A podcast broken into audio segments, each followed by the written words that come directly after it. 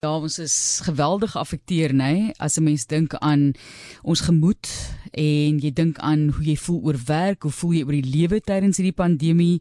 Mense hoor van baie mense wat depressie ontwikkel het weens dit. Daar's mense wat demensie ontwikkel het weens hierdie pandemie en ons het neurowetenskaplikes wat natuurlik ook kyk na hierdie kwessies. Ons gesels met dokter Etienne van der Walt en hy's 'n neuroloog by Neurozone en ons kyk na neurogedrag in die werkplek en baie interessante artikel. Alles is mooi daar vir jou uitgelê maar hy gaan dit vir ons bietjie grondvlak toe bring en vir ons bietjie meer vertel oor hoekom hulle hierdie aspek dan nou van mense se lewe nagevors het en dit is die span by Neurozone waarby neuroloog Dr. Etienne van der Walt betrokke is en as ons kyk na voor die pandemie, na die pandemie, tydens die pandemie, ons kan nog nie sê na die pandemie nie want ons is alweer midde sake, maar baie welkom Dr. van der Walt.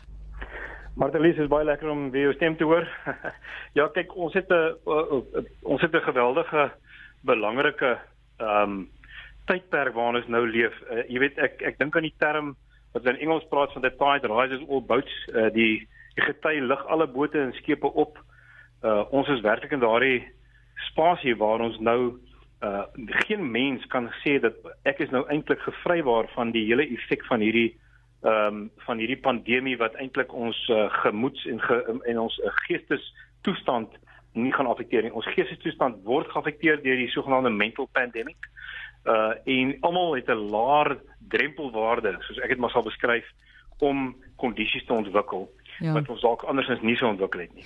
Jy het 'n steekproef van 15000 besigheidshoofde gehad en besluit om wêreldwyd natuurlik te kyk. Vertel net van die navorsing asseblief. Ja, so dit dit is 'n baie interessante stuk navorsing wat eintlik alles dryf na een uitkoms toe en daardie uitkoms is eintlik maar die term resilience. En resilience mos nou 'n waarskynlik 'n goeie woord vir kragtigheid in Afrikaans, maar resilience self is 'n is 'n baie belangrike uitkoms wat die wat ons dan nou gekwantifiseer het, geverifieer het, waardevolle wat mens as akkuraat kan ons beskou. En al die wat ons gedoen het is ons het so 'n stuk of 65 verskillende dinge wat ons elke dag doen en dink en voel en so aan. Het ons gaan bestudeer oor die laaste amper 'n dekade. Uh ons noem dit maar neurogedagte en 'n voorbeelde daarvan byvoorbeeld is letterlik vanaf oefening en slaappatrone, uh dit wat ons eet, dit wat ons dink, hoe ons ons koppe stil maak na ons gemoed toe na op na hoe ons dink oor die lewe, ons ons hele uh, ingesteldheid na ons uh goed soos optimisme, uh dankbaarheid, uh, alles wat in die maniere waarop ons met mekaar assosieer, het ek 'n sin van behorendheid. uh, het ek uh, vertroue, diep vertrouensverhoudings reguit na die brein uh, die, die dele van die brein wat probleemoplossing uh, mee werk, het ons genoeg kennis, kundigheid en vermoë om uiteindelik uh baie innoverend te wees en kreatief op uh, met probleme uh, op te los. Ons het hierdie hierdie hele stelsel noem ons so uh, wat ons noem 'n high performance code uh, en hierdie kode uh, het homself dan gaan prioritiseer rondom resilience. Dit beteken dat sekere goed is meer belangrik as ander waar 'n mens moet aandag gee op enige gegee tyd om eintlik daai resilience te bou. Nou nou moet mense verstaan resilience is eintlik uh, of veerkragtigheid is die ding wat ons nodig het om toenemende ehm um, uitdagings, toenemende 'n uh, groter en groter wordende uitdagings wat vinniger en vinniger kom, die hoof te bied. So wat ons dus nodig het is om die hele tyd meer veerkragtig te wees om hierdie uh, probleme te oorkom en dit sal keer dat ons eintlik dan nou uit hierdie ontspanne fisiologiese staat gaan keer dit ons in kroniese stres ingaan en ook vir ons weerbaar maak uh teen uh geestes uh, probleme.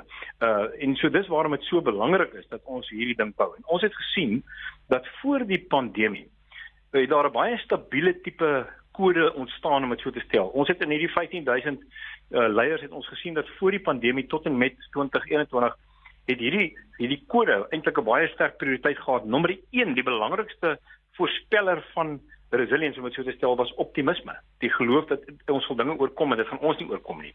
Die tweede ene was byvoorbeeld om negatiewe gedagtepatrone te verminder en die derde was om sekere probleemoplossingsvaardighede beter te te kan bemeester uh as 'n voorbeeld. Kom die pandemie, die COVID pandemie en ons sien hoe daar 'n hele nuwe kode stabiliseer. En die nommer 1 voor voorspeller dus van hierdie veerkragtige resilience word toe uiteindelik oefenings diversiteit. Hoeveel tipe verskillende oefeninge doen jy elke uh elke dag of minstens dan oor 'n week periode? En die tweede ene word oor die oefens duur oefening duurde. Hoe hoe lank oefen jy in totaal per week? En die derde ene word uh hoe hoe kan ek van ongesonde gedragspatrone ontslaa raak? So ek noem dit maar net en daar's 'n hele reeks natuurlik 65 wat agter die goed nou so ingeskuif het in 'n prioriteit. Waarom dit so belangrik is, is dit sê vir ons dat ons stelsel herprioritiseer die goed wat ons moet doen wat vir ons veerkragtig hou onbewustelik en gesamentlik doen ons dit. So ons het 'n dinamiese kode en dit maak baie sin. Soos wat die eksterne omgewing die hele tyd verander, skuif hierdie gedragskode en herprioritiseer dit vir ons om te sê wat is jou belangrikste ding wat jy nou moet aandag gee. So dit vat ons weg van die van daardie aanvanklike gedagte en ek dis my soort van as mense vra wat is wat is dit in 'n neutedop? Ons wil sê wel as iemand vir jou 'n TED talk of 'n praatjie sê wat is die vyf goed wat jy moet doen om veerkragtig te bly? dan is dit waarskynlik nie akkuraat nie want dit was maar akkuraat in die tyd toe dit bestudeer is in daai tyd en in daai konteks vir daardie groep mense.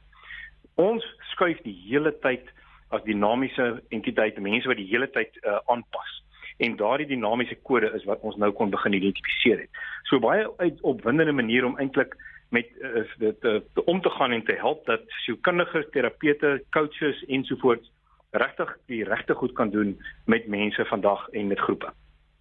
Is daar 'n paar uitkomste op 'n praktiese vlak wat jy met ons kan deel dokter wat vir ons ook 'n idee gee van hoe ons dit kan benader? Het gepraat van oefeninge. ek wonder toe nou is dit breinoefeninge of is dit fisiese oefeninge? Seker maar beide. Maar gee vir ons 'n paar praktiese uitkomste asseblief. Ja, so kom ons voorstel dat ons is nou eintlik almal die in dieselfde bootjie en ons is ook dan nou uh leiers wat in daai selfe koord val. Want jy moet mense sê van die wetenskaplike oogpunt, moet jy net eers weet dat ons is dalk anders as dit en daarom is dit die is dit die dinamiese terre van belangrik. Maar kom ons sê ons dit dit geld vir ons almal.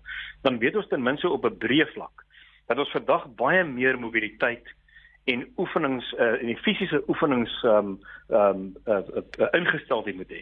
Ons moet ook kyk nie net na die hoeveel van na, na die duurte van ons oefening, nie daai 140 minute per per week nie, maar ook watter tipe oefeninge doen ek. Wissel ek byvoorbeeld ritme oefeninge af met byvoorbeeld komplekse tipe van motor oefeninge. Uh doen ek byvoorbeeld ook wat ons noem die hoë intensiteitsoefeninge tussen die high intensity interval training. Uh dit is die tipe goed wat ons weet is nou vandag vir die groter kohort meer belangrik byvoorbeeld as wat as wat dit was voor uh, Covid. Ons weet dat mobiliteit baie belangrik is. Ons weet ook dat dat die sogenaamde energie komponente, die energie karakteristikke, uh gedragspatrone ook belangrik geraak het. Ek noem hulle gou. Uh entoesiasme, humor, uh eens vir be, negatiewe gedagtepatrone vermy dit so goed jy kan in, in as individue en in groepe. Uh en dan natuurlik die hele gedagte van uh, om hierdie uh, ge, uh, negatiewe uh, gewoontevormende patrone die baie sterk te te werk. Ons weet dit hierdie goed vir ons 'n beter uitkoms gee. O natuurlik daarmee saam dankbaarheid, gratitude, nee, soos hulle in Engels sê. Baie belangrik om dit ook te beoefen. Dit is die sogenaamde hoë werkverrigtings energie komponente wat die resilience bou saam met daardie oefeningskomponente en die mobiliteit. Ek sou sê as jy dit as 'n uh, wil wegneem, hierdie is belangrik. Uh dit skuif natuurlik met tyd. Ons weet nie hoe dit gaan lyk oor die, oor 6 maande van nou af nie, maar op hierdie oomblik kan ons sê dis 'n redelike stabiele kode.